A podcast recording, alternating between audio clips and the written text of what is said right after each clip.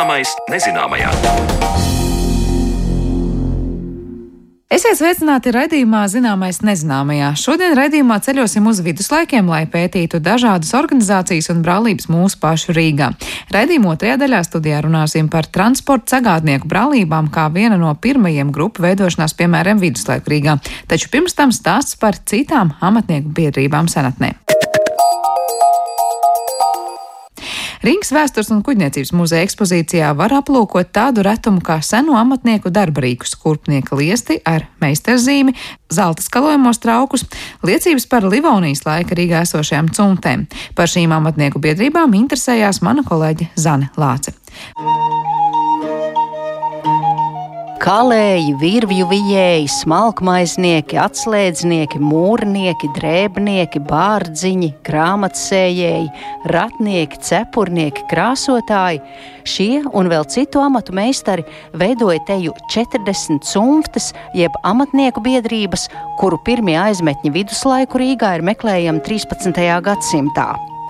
Rietumē Eiropā cimtas sāka veidoties jau 9. un 10. gadsimtā.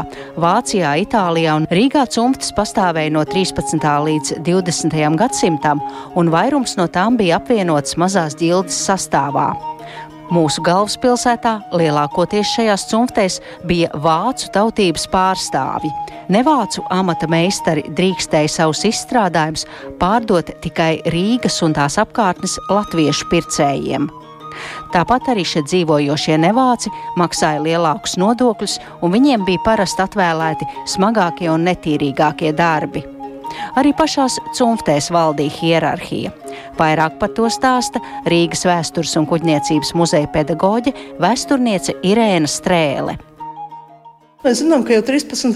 gadsimtā Rīgā ir bijuši vairāk kā 20 cimtas. Tas ir, nozīmē, to, ka viena veida amatnieki apvienojās nu, vienā biedrībā. Ja? Tad visi kurpnieki apvienojas vienā biedrībā. Parasti viņi arī bija tā, ka viņi arī nu, ļoti bieži dzīvoja piemēram, uz vienas ielas, vienā vietā, nu, kur mums vecrīgā ir šie nosaukumi. Ne? Audēju iela, Miesnieku iela, Kalēja. Tātad tas jau vienkārši norāda to, ka ir šī biedrības sistēma.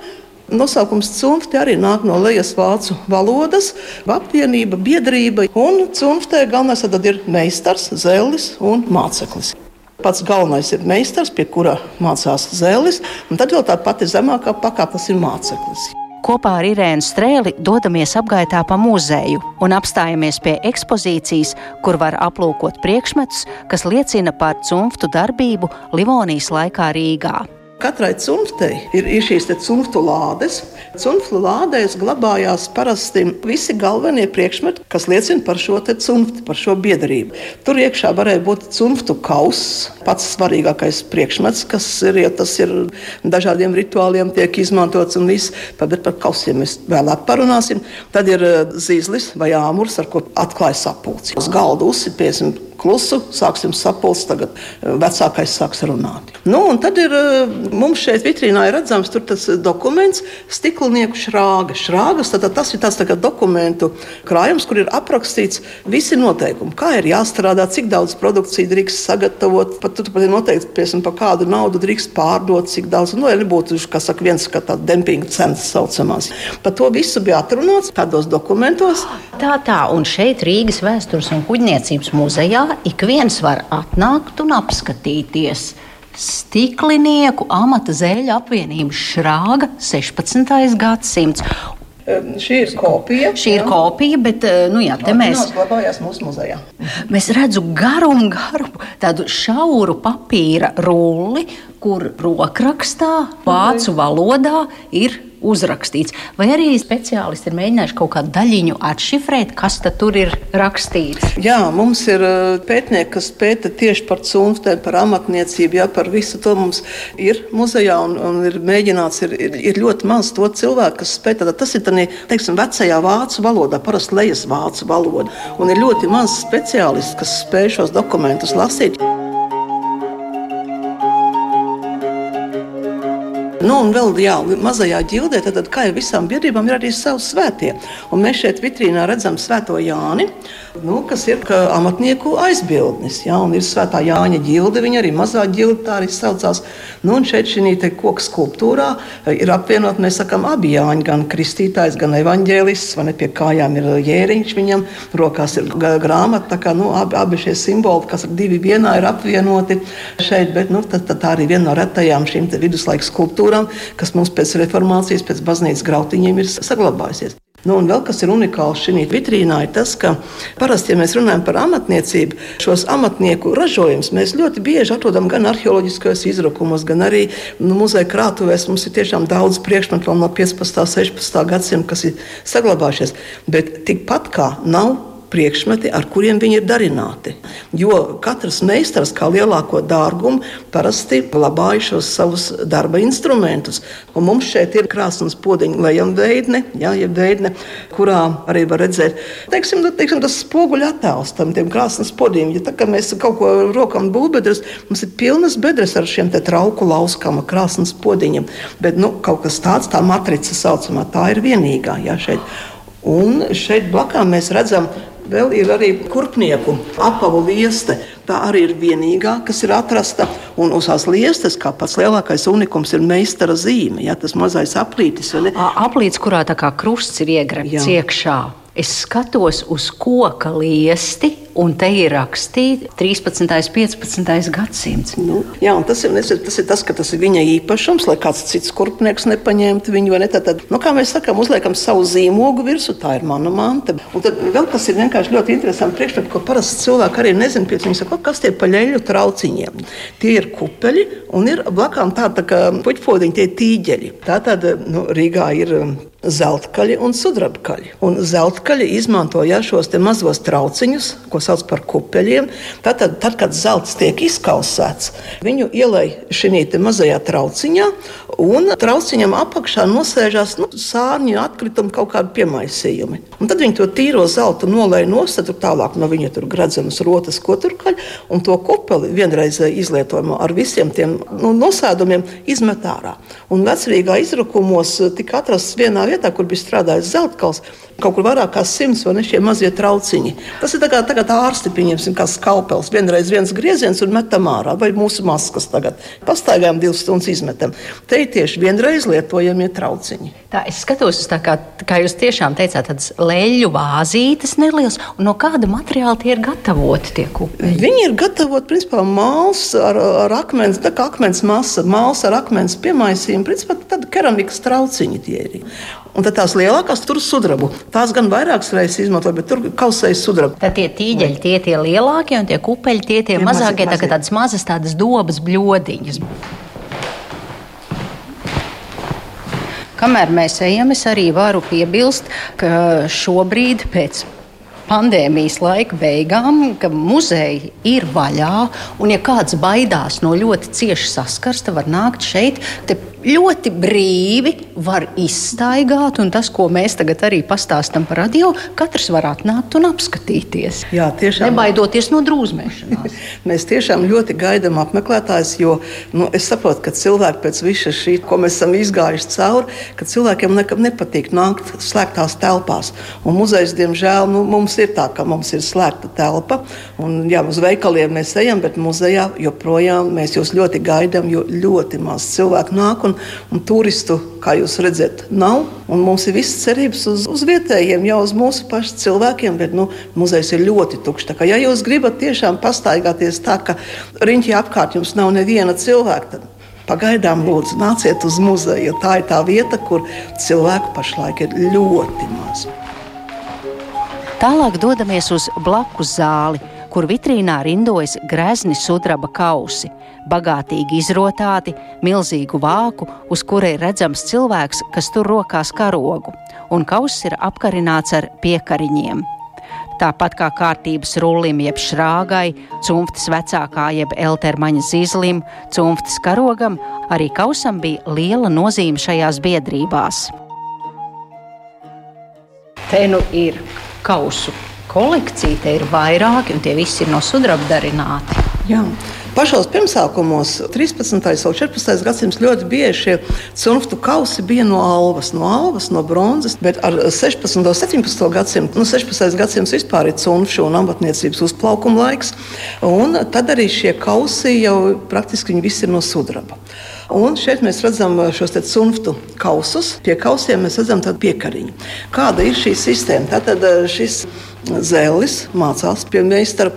Tad, kad viņš ir e, jau gatavs kļūt par meistaru, viņš izgatavo šo meistaru stiķi, jeb nu, tā, tā kā, kā mēs sakām, diplomu darbu, un viņš viņu aizstāv. Ja, tad, ja vecie meistari pieņem šo darbu, tad viņš tiek uzņemts jauno meistaru kārtā. Un tad ir vesela rituāls un šī sistēma, kā tas viss notiek. Un, pirmkārt, šiem jaunajiem zēlim, ja, kas pretendē uz meistaru nosaukumu, katrs jaunais meistars pasūta šādu piekariņu, kurā ir viņa vārds, uzvārds, gads, kad viņš ir ieguvis šo meistaru nosaukumu, nu, no kuras pilsētas viņš nāk. Un tad, kad uh, viņš tagad iegūst šo meistaru nosaukumu, tad ir šis cunfts kauss, kas tiek no tās lādes izņemts ārā. Tad viņam ir jāpiekarina, jāpie cunftu kausa savu piekariņu, jo tur jau redzat, ir apkārt tur daudz piekariņu. Tad jā, katrs, tur ir speciāli katrs... stiprinājumi pie jā. tā kausa pielikti tādi mazi aplīši. Un tad tas ir, jā, tas ir viņa piekariņš. Viņš kā jaunais meistars, jo pie cunftu kausa karājās tikai meistaru piekariņi. Nu, tad ja tas rituāls ir tāds, ka šis kauss tiek piepildīts ar vīnu, tad pie kausa tiek piestiprināts jaunais piekariņš. Ir dažne dažādi ir varianti. Ir viens variants tāds, ka viņam ir jāizdzer šis kauss tik uzmanīgi, lai šie piekariņi nu, neiežvadzētos, jā, lai viņš parādītu, ka viņam ir ļoti stingra roka, ka viņš būs labs meistars, ka tur rokas viņam nedrīkst. Bet uh, otrs tāds tiešām kas jau dokumentiem pierādīts ir.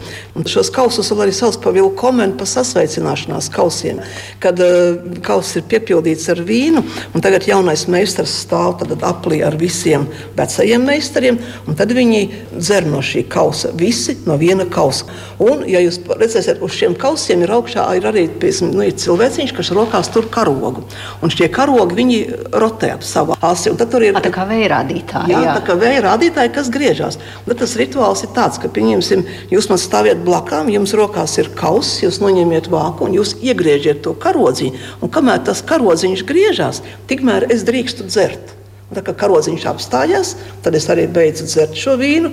Tagad es dodu to kausu tālāk nākamajam meistaram, tagad ņemu no jums to vāciņu, atkal iegriežu to karodziņu, kamēr viņš griežās, nākamais dzer. Un tas ir tāds tā kā Es sadzeru ar visiem vecajiem meistariem, es esmu līdzvērtīgs ar šiem meistariem, nu, tādas tubrālības. Par cunftēm, to darbību un rituāliem stāstīja Rīgas vēstures un kuģniecības muzeja pedagoģa vēsturniece Irēna Strēli, un ar viņu tikās mana kolēģe Zane Lāce.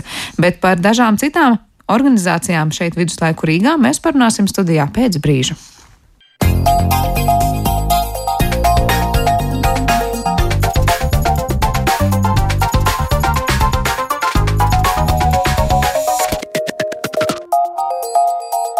Zināmais nezināmajā. Raidījuma atlikušajās daļā saruna par transporta strādnieku brālībām viduslaiku Rīgā, uz ko šodien varam lūkoties arī kā vienu no pirmajiem tā laika kopā apvienošanās, jeb biedrošanās mēģinājumiem. Ar ko šīs brālības nozīmīgas un kā tās ietekmē viduslaiku Rīgas sociālo dzīvi, vismaz daļu atbilži ir atradis Latvijas Nacionālās bibliotekas vadošais pētnieks Gustavs Strenga, par kuru Tallinas Universitātē veiktā pēcdoktorantūras pētījuma rezultātiem šodien viņš ir atnācis gatavs runāt arī uz mūsu studiju. Sveiks, Gustav! Sveiki! Vispirms par to, kas tas ir par pētījumu, kas tev notika tātad pēc doktorantūras, var teikt, laikā, un kāpēc tieši šādas transporta strādnieku brālības tavā uzmanības lokā nonākušas? Protams, mans pētījums bija saistīts ar eh, dāvināšanu un dāvanām, bet uh, avotu materiāls uh, Rīgas gadījumā ir ļoti bagāts, ja mēs domājam tieši par šīm te brālībām, alsnesēju un nesēju brālībām 15. gadsimta vidū. Pēkšņi viņas sāk ļoti cītīgi pierakstīt uh, savas darbības, uh, sāk arī teiksim, pierakstīt to, kā tiek disciplinēti uh, brālību dalībnieki. Piemēram, nesēju gadījumā veselu deviņu gadu garumā tiek pierakstīts, uh, kā katrā kopā brālības sanākšanas reizē tiek uh, uzturēta disciplīna un dažādi sodi, vai arī, kas man visvairāk interesēja, 15. gadsimta vidū ir ļoti labs saglabājies avotu materiāls par to, kā šo te brālību dalībnieki ziedoja gan altāru izbūvēja Svētā Petra baznīcā nesēja gadījumā, gan arī mirušo piemiņai ap 1460. gadu, kas ir ausnesēja gadījumā. Bet pirms es tā kā ķēros klāt šim dāvināšanas jautājumam, man arī interesēja un joprojām interesē etniskums vēlo viduslaiku pilsētā, šeit Austrumbaltijā, Livonijā, un šīs abas brālības ir arī interesantas no šīs perspektīvas. Vispirms par tām brālībām, tad, kā saka, viena un pēc tam otra šī te alus nesēju brālība. Kas īstenībā apvienojās, kā tā tieši darbojās, kāds bija tās uzdevums? Jā, redz, te jāsāk ar tādu nelielu mm, atkāpu vēstures rakstīšanām, proti vēsturnieki pirms manis, es tā varētu teikt, ir, rakstuju, ir raksturojuši šīs abas brālības kā pēdiņās latviešu brālības, jo skaidrs, ka Hanzas pilsētā, kas atrodas eh, tālu no Ziemeļvācijas, zemāko slāņu iedzīvotāji nu, nebija tie, kuriem dzimtā valoda bija vidusleisvācu valoda. Tie bija vietēji iedzīvotāji, eh, latvieši un lībieši, Tallinas gadījumā Igauni, kuri ieplūda pilsētā un nodarbojās ar dažādiem nu, palīgamatiem. Daudz no viņiem arī bija uh, amatnieki, bet uh, sākot ar 14. gadsimta otro pusi, šos te vietējos vai nu, tos avotos sauc par unduču vai undoiču, šodienas vācu valodā, viņus izslēdza no tirgotāju brālībām un arī no amatnieku brālībām, kurās, teiksim, nodarbošanās nesa salīdzinoši lielu peļņu. Un eh, skaidrs, ka šādi te tirzniecības palīgamati, kā preču atnešana no ostas, aiznešana uz ostu vai preču izpakošana, sapakošana, iecelšana kuģī.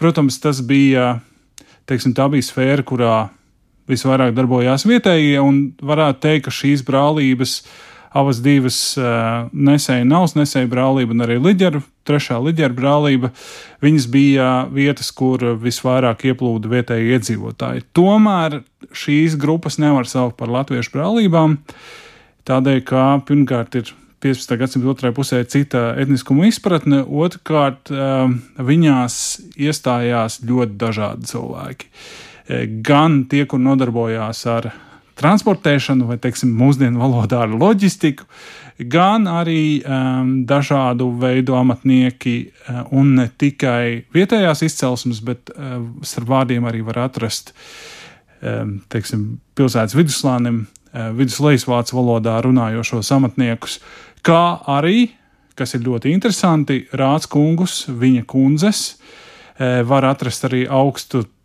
teiksim, augsta ranga garīdzniekus, Rīgas domkapitula, mm, domkungus, eh, var arī daudzus priesterus šajās te brālībās viņu vārdus brālību biedru grāmatās atrast. Un tas liecina savukārt par to, ka vismaz 15. gadsimta otrajā pusē šīs grupas bija tādas nu, reliģiski sociālas vienības. Un, uh, tas nav tikai Rīgai unikāls fenomens, arī citās Hanzas pilsētās, pilsētas elites pārstāvji, piemēram, Rādskunga, kur bija reizē arī tirgotāji, mēdza iestāties šajās brālībās, tādēļ, ka viņi faktiski bija šo te transporta strādnieku kolēģi. Tad sanāk, ka šajās brālībās tā nu, vienkārši uzņēma visus tos, kas bija tur kolēģi vai, vai radi, bet ne īsti konkrētā darba darītāji. Redz, tā ir tā, man kā vēsturniekam uzreiz ir jāsaka, ka šeit ir ļoti grūti novilkt robežu un pateikt, kas īsti šīs grupas bija, jo viņas bija tādas hibrīda grupas. Viņas reizē bija reliģiskas brālības, un reizē tomēr arī atbildēja par noteiktu transporta strādnieku teiksim, darbību, jo viņu statūtos arī bija punkti, kas bija vērsti uz to, kas regulēja viņu darbu. Interesanti ir tas, ka šīs grupas nu, nav visiem atvērtas, jo, piemēram, nesēja brālības statūtos no 15. gadsimta vidus var redzēt, ka viņi negrib uzņemt, piemēram, līna vērpējus savās rindās, vai viņi negrib uzņemt tos cilvēkus, kur, kuru darbs ir saistīts ar ar, nu, teiksim, ar asins nolaišanu, kā teiksim, nu, pirtnieki vai, vai, vai, vai citu profesiju pārstāvi, kuras tajā brīdī tika uzskatītas par necienīgām. Līdz ar to notiek zināma iespējamo biedru šķirošana. Tas, cik ļoti brālības ir izvēlīgas, ko uzņemt, ko neuzņemt, to mēs nevaram pateikt. Bet vēl ir viena interesanta epizode, proti, um, pilsētas rāte faktiski ir tā, kura nosaka, ko šīs amatnieku grupas dara, vai arī transporta palīga strādnieku grupas dara, nosaka arī viņu un apstiprina viņu statūtus, un proti 15. gadsimta vidū Ausnesēja brālība, kas ir visticamāk dibināta agrāk, 14. Um, gadsimta nogalē, jo pirmie statūti ir bijuši 1386. gadā, vai šrāgas avotu valodā runājot, un 15. gadsimta vidū tiek noteikts, ka alsnesējiem vairs nav jāizpilda pilsētas bendes pienākumi. Un brālība, protams, ir ļoti priecīga, jo viņi arī raksta šajā te uh, savā šāgās, ko pilsētas rātē apstiprina, viņi raksta, ka šis ir necienīgs amats, eh, tas ir aptrēpījošs amats, un viņi ļoti priecājas, ka viņi var turpmāk to nedarīt. Un arī vēlāk, 16. gadsimtā, mēs zinām, ka abu šo brālību pārstāvi bija atbildīgi par rīcību plūdu gadījumos, eh, tad, kad eh, pilsētā bija arī jādzēš ugunsgrēki. Vienmēr sakot, tās bija tādas nu, grupas ar, ar, ar daudziem un dažādiem uzdevumiem. Bet kāpēc? Kas viņiem deva šos uzdevumus? Jo liktos, kāpēc tieši viņiem būtu bendes pienākumi jāizpild? To piemēram... parasti viduslaiku pilsētā dara rāte. Viņi nosaka, kas ir jādara, bet arī jāsaprot, ka viduslaiku brālības cimds un ģildes ir veids, kā kontrolēt cilvēkus viduslaika pilsētā. Tas nozīmē, ka ir iespēja katram atrast vietu, ne tikai vietu, bet arī nodrošināt, ka šis cilvēks uh, nenodarbojas ar kaut ko, kas varētu kaitēt pilsētas labumam. Un interesanti ir tas, ka, ko mēs redzam tieši nesēju brālības šajās, šajā sodu grāmatā, ir šie brālības centieni disciplinēt savus dalībniekus, kur ir skaidri redzams, ka viņiem iet grūti ar disciplinēšanu, jo kopā sanākšanas reizēs, eh, svētku reizēs, kas ir katrai viduslaika brālībai ļoti svarīgs, jo tajā brīdī tā kopība arī eh, rodās.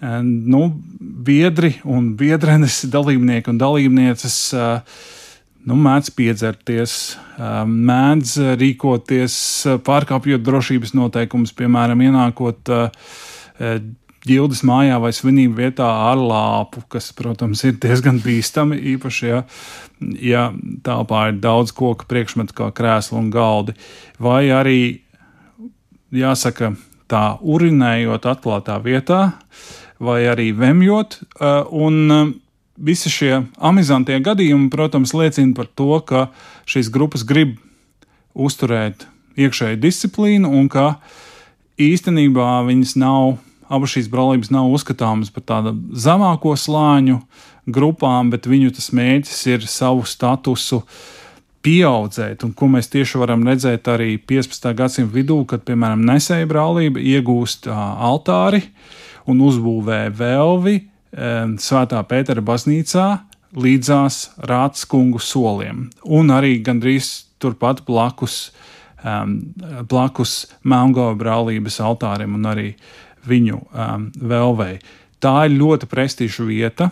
Tā ir vieta, kur nevar noteikti viduslaiku baznīcā iegūt tāpat. Uh, tur arī ir saistība ar tas, ko es minēju, ka daudzi nesēju brālības labvēļi bija rādskungi, un arī rādskungi ir tie, kas kontrolē Svētā Pētera baznīcu kā tādu. Viņi ir atbildīgi gan par baznīcas celtnes paplašināšanu, tieši 15. gadsimta vidū viņi ir atbildīgi gan par dažādu ziedojumu un vikāriju dibināšanu. Tas ir gan atbildība gan par pašu struktūru, fizisko struktūru, gan arī dažādu veidu finansiālajiem dibinājumiem. Tad droši vien tavs pētījums par dāvinājumiem iet roku rokā ar šo draudzību un kā tad viņi tika pie šīs prestižās vietas. Pētra Jā, Baznīcā. protams, tas arī ir manā, manā pētījumā. Tas ir, tam ir svarīga loma. Jā. E, Bet e, tas sanāk no vienas puses, tā brālību veidošana un uzturēšana bija mēģinājums, kā tu teici, kontrolēt no pašas arī rāds puses, kas notiek tur. Vai no otras puses tas bija tāds, kā no arotbiedrība, es nezinu, kaut kāds Jā. spēcināt draugus, draugu, kolēģis, Jā, kolēģi. protams, ka viduslaika cimftis, un šajā gadījumā nu, tā nav gluži cimfti, to patiešām var saukt par brālību. Uh, amatnieku brālības vai arī šādas uh, tirzniecības palīga amatu brālības, viņu uzdevums ir kontrolēt, kas notiek noteiktā amatā. Vai, uh, nu, piemēram, vai tu par savu pakalpojumu neprasi pārāk zemu cenu, tādā veidā nesamazinot uh, citiem ienākumus, Eh, vai neienāk piemēram, pilsētā sveši cilvēki no laukiem, kuriem sāk uzreiz piedāvāt uh, savus pakalpojumus uh, transporta, uh, transporta darbā, kur viņi vienkārši var teikt, ha, es to varu izdarīt lētāk, bet viņi nav šīs brālības biedri, viņi nemaksā uh, biedra naudas, viņi nepiedalās kopīgajos mīlestos, kur arī ir jāpiedalās ar savu, savu materiālu devumu. Līdz ar to, protams, tās ir sava veida arotbiedrības, tie arī ir sava veida monopoli, kur ir arī ļoti skaidri noteikts, ka, ja tu esi iestājies nesēju brālībā, tu nevari būt reizē arī alsnesēju brālības biedrs. Tas tiek nošķirts, un tā atšķirība ir visticamāk tāda, ka viena nodarbojas ar, ar šķidru preču pārvadāšanu, kā alsnesēji, vīns, alus, varbūt vēl kādi citi um, šķidrumi, kas tiek pārvadāti mucās, un savukārt otri nesēji nodarbojās vairāk ar uh, cietu kravu vai ar uh, nu, pakotu mantu pārnešanu un pārvešanu. Bet, eh, ja, piemēram, kāds gribēja būt abos darbos, viņš varēja vienā stāties un otrā vienkārši pat nemēģināt stāties. Vai tur pietiekoši mazas bija tās sabiedrības, ka visi visu zināja? Protams, ja mēs iedomājamies 15. gadsimta vidū, nu, tas ir laiks, no kura mums vislabāk ir saglabājušies avoti. Nu, Rīgā nu, nebija droši vien, mēs zinām, ļoti aptuveni, nu, droši vien pa 6, 7 tūkstošiem cilvēku vairāk nebija. Un šajās brālībās biedru skaits, protams, visu laiku dēļ dažādiem klimatiskiem apstākļiem, dēļ epidēmijām mainījās. Uh, nu, Ausnesēju brālībā viņš varēja mainīties no 100 līdz 200 vai 250 cilvēkiem, un uh, nesēju brālībā arī teiks, mazāk, nu, s- d- 50 līdz 100, un vēl mazāk tie cilvēki, kur tiešām nodarbojās ar šo te transporta strādnieku darbu, protams, viņi visi viens otru pazina. Un tā ir, tā ir maza sabiedrība, tas ir nu, Latvijas mērogos, tā ir ļoti maza pilsēta, kurā katrs, eh, katrs pazīst viens otru un eh, nebūtu nav anonīms. Un eh, arī šīm brālībām manā skatījumā bija funkcija, ka viņa šos te vietējos, kuri pārcēlās no laukiem uz pilsētu, jo līdz pat 19. gadsimtam teiksim, pilsētas demogrāfiskā līkne ir negatīva. Tas nozīmē, ka pilsētā mirst vairāk cilvēku nekā piedzimst. Un uh, pilsēta, jebkura pilsēta Eiropā, viņai vajadzēja migrāciju. Tas, viņi bija vienkārši atkarīgi no migrācijas. un Skaidrs, ka ienākot lauciniekam pilsētā, ja viņam nav īpaši prasmju, transporta strādnieku darbs ir piemērots. Protams, tur ir noteikti jābilst kaut kādiem arī kritērijiem, bet uh, tas ir šīs brālības bija labs mehānisms, kā šos cilvēkus integrēt pilsētas sociālajā telpā, faktiski iemācīt būt par pilsētnieku kaut kādā ziņā, pakļauties noteiktiem noteikumiem, ievērot zināmu disciplīnu. Nu, tas noteikti bija atkarīgs no, no, gadījuma, no gadījuma uz gadījumu, cik veiksmīga šī disciplīnas ievērošana bija. Bet uh, katrā ziņā tās ir grupas, kas nav tā, tā kā etniskas grupas, kur mērķis nav kopā savākt visus pilsētas latviešus, bet drīzāk līdz reformācijai ir mērķis organizēt uh, tos cilvēkus, kuri nevar iestāties citās brālībās, un arī pieņemt ļaudis no elites, kuri piedalās brālības reliģiskajos uh, rituālos, kuri novēl brālībai noteikts materiāls vērtības un par to vēlas tikt uh, pieminēti pēc viņa nāves ar lūkšanām un dievkalpojumiem. Bet kas bija tā motivācija, piemēram, tiem elites jau varbūt slāņiem būt daļai no tās brālības? Tas ir diezgan sarežģīts jautājums. Viena iespēja ir, ka šie elites pārstāvji vēlējās, lai viņus pēc nāves piemina liels skaits cilvēku. Protams, arī viduslaikos tiek uzskatīts, ja tevi piemin nabagi vai cilvēki, kas ir nabadzīgi, tad tavai dvēselē tas nes lielu labumu, jo viduslaiku reliģiskajos priekšstatos tikai retais nokļuva uzreiz debesīs. Lielākā daļa no cilvēkiem viņu dvēseles nokļuva šķīstītavā, un lai šīs šķīstītavas ciešanas mazinātu, bija nepieciešams lūkšanas pēc nāves. Un, protams, šo funkciju parasti arī veica klosteri, konventi, māsu un brāļu konventi. Bet arī šādas te brālības, viņas varēja būt, teiksim, nu, labas grupas, kuras varēja pieminēt pēc personas nāves. Viņa dvēseli, un arī jāsaprot, ir, ka politiskā elite viduslaikos gan pilsētu, politiskā elite, rādskungi, gan arī domājam par dišķiltīgajiem ārpus pilsētām, viņiem ir svarīgi veidot tādu noteiktu varas kontinuitātes līniju. Viņiem ir tā varas pārmantojamība ir ļoti, ļoti svarīga, lai varētu izsekot, no kā tu esi saņēmis šo varu. Pilsētā tas tā nav gluži tā kā simtprocentīgi mantota, bet tomēr šī varas izsekojamība spēlē milzīgu lomu varas leģitimitātei. Un uh, tas nozīmē, ka arī mirušo piemiņa ir viens no šiem instrumentiem, kādā nodrošināt šo, te, šo te politiskās varas leģitimitāti. Par tiem pārējiem, kas savukārt bija tie reāli nesēji, viņi tā kā labprātīgi ir ziņas, ka visi gribēja būt tajā biedrībā, vai tur bija tā kā jāpierunā tie biedri, vai vajadzēja sekot līdzi, vai visi avot, nesēji diemžēl ir? to, avot, diemžēl to nestāsta. Jo ir jāsaprot, īstenībā, ja mēs raugāmies uz um, viduslaiku Rīgu, mums um, nav tik lielisks arhīvs kā viduslaiku Tallinas uh, arhīvs, kur ir saglabājušies ļoti daudz dokumentu, bet interesantā kārtā tur nav saglabājušies avoti par uh, Tallinas nesēju brālībām.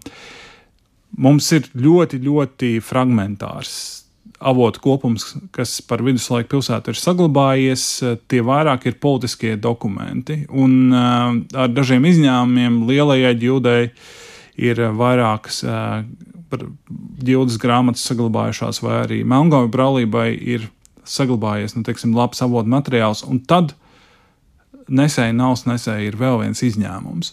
Mēs, mēs neredzam to kopbildi, jo, protams, zemākiem slāņiem bija vēl citas brālības, kā piemēram zvejnieki, kur arī visticamāk lielākā daļa biedru bija vietējie, un arī pilsētas kalpotāji un strādnieki, kuriem arī bija savu brālību, bet tur šie avoti nav saglabājušies tik labi, un mēs nevaram kā, lūkoties plašāk. Mums faktiski ir tāds ļoti šaurs skatījums, bet pietiekoši interesants un daudzveidīgs uh, skatījums uz šīm divām brālībām. Kas ir tie avoti, kas tavā rīcībā bija pētot šīs lietas? Tas ir arhīvs, kurā tu skaties uz konkrētām dokumentu mapēm vai Jā, nu tas, tas nav mm, dokumentu mapes, tās ir um, 15. gadsimtā aizsāktas rēķina grāmatas, kuras šīs pašas brālības, nu, teiksim, nesēja gadījumā viņi pēc reformācijas uh, transformējās par sāls nesējiem, uh, un vēlāk tā ir uh, arī svērēju brālība, vēlāk 19. gadsimtā. Viņi turpina viņās rakstīt 16. gadsimta nogalē, 17. gadsimtā.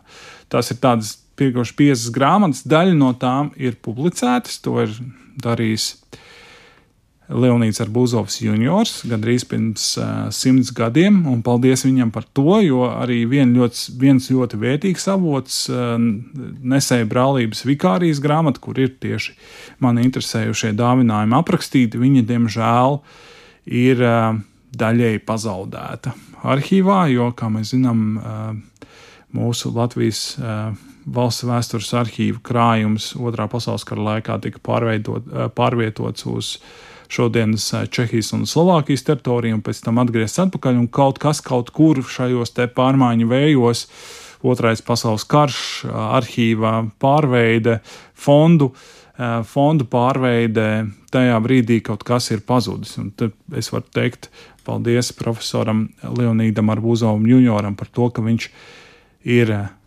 izdevis šos te avotu tekstus daļēji, bet lielākā daļa no šiem te avotiem ir vienkārši biedru saraksti, kas nav izdoti, kur ir atrodami Latvijas valsts vēstures arhīva krājumā, kur vienkārši es gāju cauri un uh, skatījos. Bet tad, zini, arī viņu tur dienas kārtība vai tajos konkrētajos svētkos norisi, tas viss ir dokumentēts? Nē, tas nav tik precīzi. Te mēs varam droši teikt, ka Melngava brālība ir tāds uh, milzīgs izņēmums, jo Melngaviem ir saglabājušies no 16. gadsimta paša sākuma ļoti, ļoti precīzi, piemēram, Vaclāvi. Uh, pirms pirms lielā gavēņa, viņu karnevāla apraksti. Tas arī īstenībā ir tas avots, no kura tiek ņemta šī leģenda par eh, Rīgu kā Ziemassvētku eglītes dzimšanas vietu, jo tur ir patiešām gandrīz pa minūtēm un stundām aprakstīts, kas ir jādara šajos noteiktajos svētkos, kurā vietā kam ir jāatrodas, cik daudz brāļiem ir jāveic šie pienākumi, jādara tie pienākumi, kurā brīdī ir jāiet dejot ar lielās ģildes uh, biedru meitām un sievām, kurā brīdī ir jāatgriežas savā melngāvu namā un ir jādzer alus, kam ir jāuznes alus no pagrama un tā tālāk. Kas, protams, pirmajā brīdī liekas jocīgi, kādēļ tas viss ir tik precīzi aprakstīts, tad uh, melngāvu brālībā ir tāda viena īpatnība, un to mēs visi rīznieki zinām. Ka Melngava ir neprecēto un ārzemju tirgotāju brālība. Tas nozīmē, ka šajā te brālībā cilvēki ir biedri ļoti īsu laiku. Teiksim, nesēji naudas nesēji vai lielā ģilde tur tu iestājies, un cik tev dievs ir lēmis, tik ilgi tu dzīvo un tik ilgi tu esi šīs te brālības biedrs, bet um, Melngāviem ir skaidrs, ja tava karjera turpinās, ja tu no jauna tirgotāja kļūsti jau par tirgotāju, kurš ir precēts un kļūst par lielās ģildes uh, dalībnieku, tu automātiski kā, zaudē savas uh, melngāvju brālības brāļa um, tiesības, un tu aizēji prom. Un, lai nebūtu pārāvums, lai nebūtu tā, ka nākošie nezina, ko darīt svētkos, tiek atstāts ļoti skaidrs apraksts. Tad... Un, protams, citām grupām tas nav nepieciešams tādēļ, ka viņiem viņu šie atmiņas nesēji ir dzīvi cilvēki, kuri darbojās brālībā gadu desmitiem. Līdz ar to tas arī ir, zināmā mērā, tas ir šis viduslaiku mutiskās kultūras fenomens, ka ļoti daudzas noteiktām grupām svarīgas lietas, viņas netiek pierakstītas. Viņas vienkārši cilvēki zina, viņi nodod šīs zināšanas mutiski no paudzes paudzē, tad turpretim šādai elites grupai kā Melngāviem tur ir vajadzīgi cilvēki, kas to visu pieraksta, lai šī te, kā jau es teicu, šī te svarīgā sekojamības līnija nepārtrūkt. Ir daudz jautājumu, kurus tu stāst, un kur tiešām ir interesanti klausīties līdz kā tādu pagātnes detektīvu, varbūt vai ko citu. Bet tev kā pētniekam, kuri jautājumi varbūt, nu, var teikt, urda visvairāk, vai kurš ir tas, nu, arī pielietojums tam, kāpēc mūsdienās ir interesanti un vajadzīgi pētīt šīs senās brālības? Nu, man šķiet, uh, ir tas, ko mēs šeit varam redzēt, arī nu, strādājot ar avotu materiālu. Kā darbojas noteikta grupa, kas ir tie cilvēki, kuri ir svarīgi grupas pastāvēšanai, kuri viņu eh, šo grupu veido. Protams, arī Rīgas kontekstā mani interesēja, un to es vienā no saviem rakstiem arī esmu akcentējis, mani interesē šis etniskuma jautājums, kurā brīdī mēs tiešām varam sākt runāt Rīgas eh, pilsētas telpā par latviešu brālībām. Un tie noteikti nav viduslaiki. Mana hipotēze ir, ka uh, būtisks pārmaiņas nes reformācija, kuras laikā alus nesēju un nesēju brālības zaudēja lielāko daļu savu biedru, kur bija tur iestājušies droši vien kaut kādu reliģisku un sociālu iemeslu dēļ, un tad šo mazo biedru skaitu šīs brālības kļuva par daļu no jaunās latviešu evaņģēliski luteriskās um, svētā jēkaba baznīcas draudzes, uh, kur dievkalpojumi notika latviski. kur tika arī radītas jaunās baznīcas dziesmas latviešu valodā, kur tika radīta jaunā baznīcas liturģija latviešu valodā 16. gadsimta 20. gadu nogalē, 30. gadu sākumā, un šīs baznīcas mācītāji bija abu šo brālību rakstveži. Un reizē tur uzreiz arī šajās grāmatās var ieraudzīt, parādās frāzes latviešu valodā, ja pirms reformācijas tur ir redzami personu vārdi, kas liecina par iespējamu eh, izcelsmi, kā, nu, no, vai no lauku novadiem, vai no pilsētā dzīvojošiem nemāciem, tad uh, jau pēc reformācijas tur parādās veseli teikumi latviešu valodā, lai gan joprojām viss tiek pierakstīts divās valodās, viduslejas vācu un latviešu valodā, vēlāk arī augšvācu valodā, tad, kad viņi 16. gadsimta nogalē šeit kļūst par uh, dominējošo rakstu uh, valodu. Un, manuprāt, tas ir, tas ir pietiekoši interesanti redzēt, kādā veidā, nu, arī pēc reformācijas, tā kā mēs redzam kaut kādas ļoti būtiskas pārmaiņas, jo līdz reformācijai tāda etniska dalījuma pilsētā, vismaz manā skatījumā, nu, nebija. Jo Svētā Pētera baznīca, kas bija šī elitārā baznīca ar visu svarīgāko pilsētas brālību, cumšu un ģilžu altāriem, pie kuras pie šīs draudzes arī piederēja pilsētas bagātākie ļaudis, tur arī bija brālība altāri, kur lielākā daļa šo biedru bija vietējais izcelsmes. Pēc reformācijas tā ir vācu draudzene, un visi tie, kuri runā latviešu valodā, vai kuri runā arī latviešu valodā, jo ja, tomēr jāatcerās, ka līdz pat 20. gadsimtam lielākā daļa rīznieku bija vismaz bilingvāli. Runāja gan vācu, teiksim, viduslaika gadījumā viduslaikas vācu, gan latviešu vai vēl senāk lībiešu valodā. Jā, patiesībā ar identitātes jautājumiem ļoti daudz interesantu aspektu, kas parādās šajos te pētījumos. Paldies tev par šo sarunu un uh, gaidām arī pārējos tos pētījumus. Protams, interesanti palūkoties uz šo te dzīvi šajā pašā vietā pirms tik daudziem gadsimtiem. Latvijas Nacionālās bibliotekas vadošais pētnieks Gustavs Strangs šodien pie mums viesojās raidījuma studijā. Ar to arī raidījums ir izskanējis un par to parūpējās producents Armīta Kolāte. Mūzika šajā stundā bija ģirta biša pārziņā. Es Sandra Kropa ar jums tikšos atkal rīt, lai mums visiem veiksmīga un jauka diena.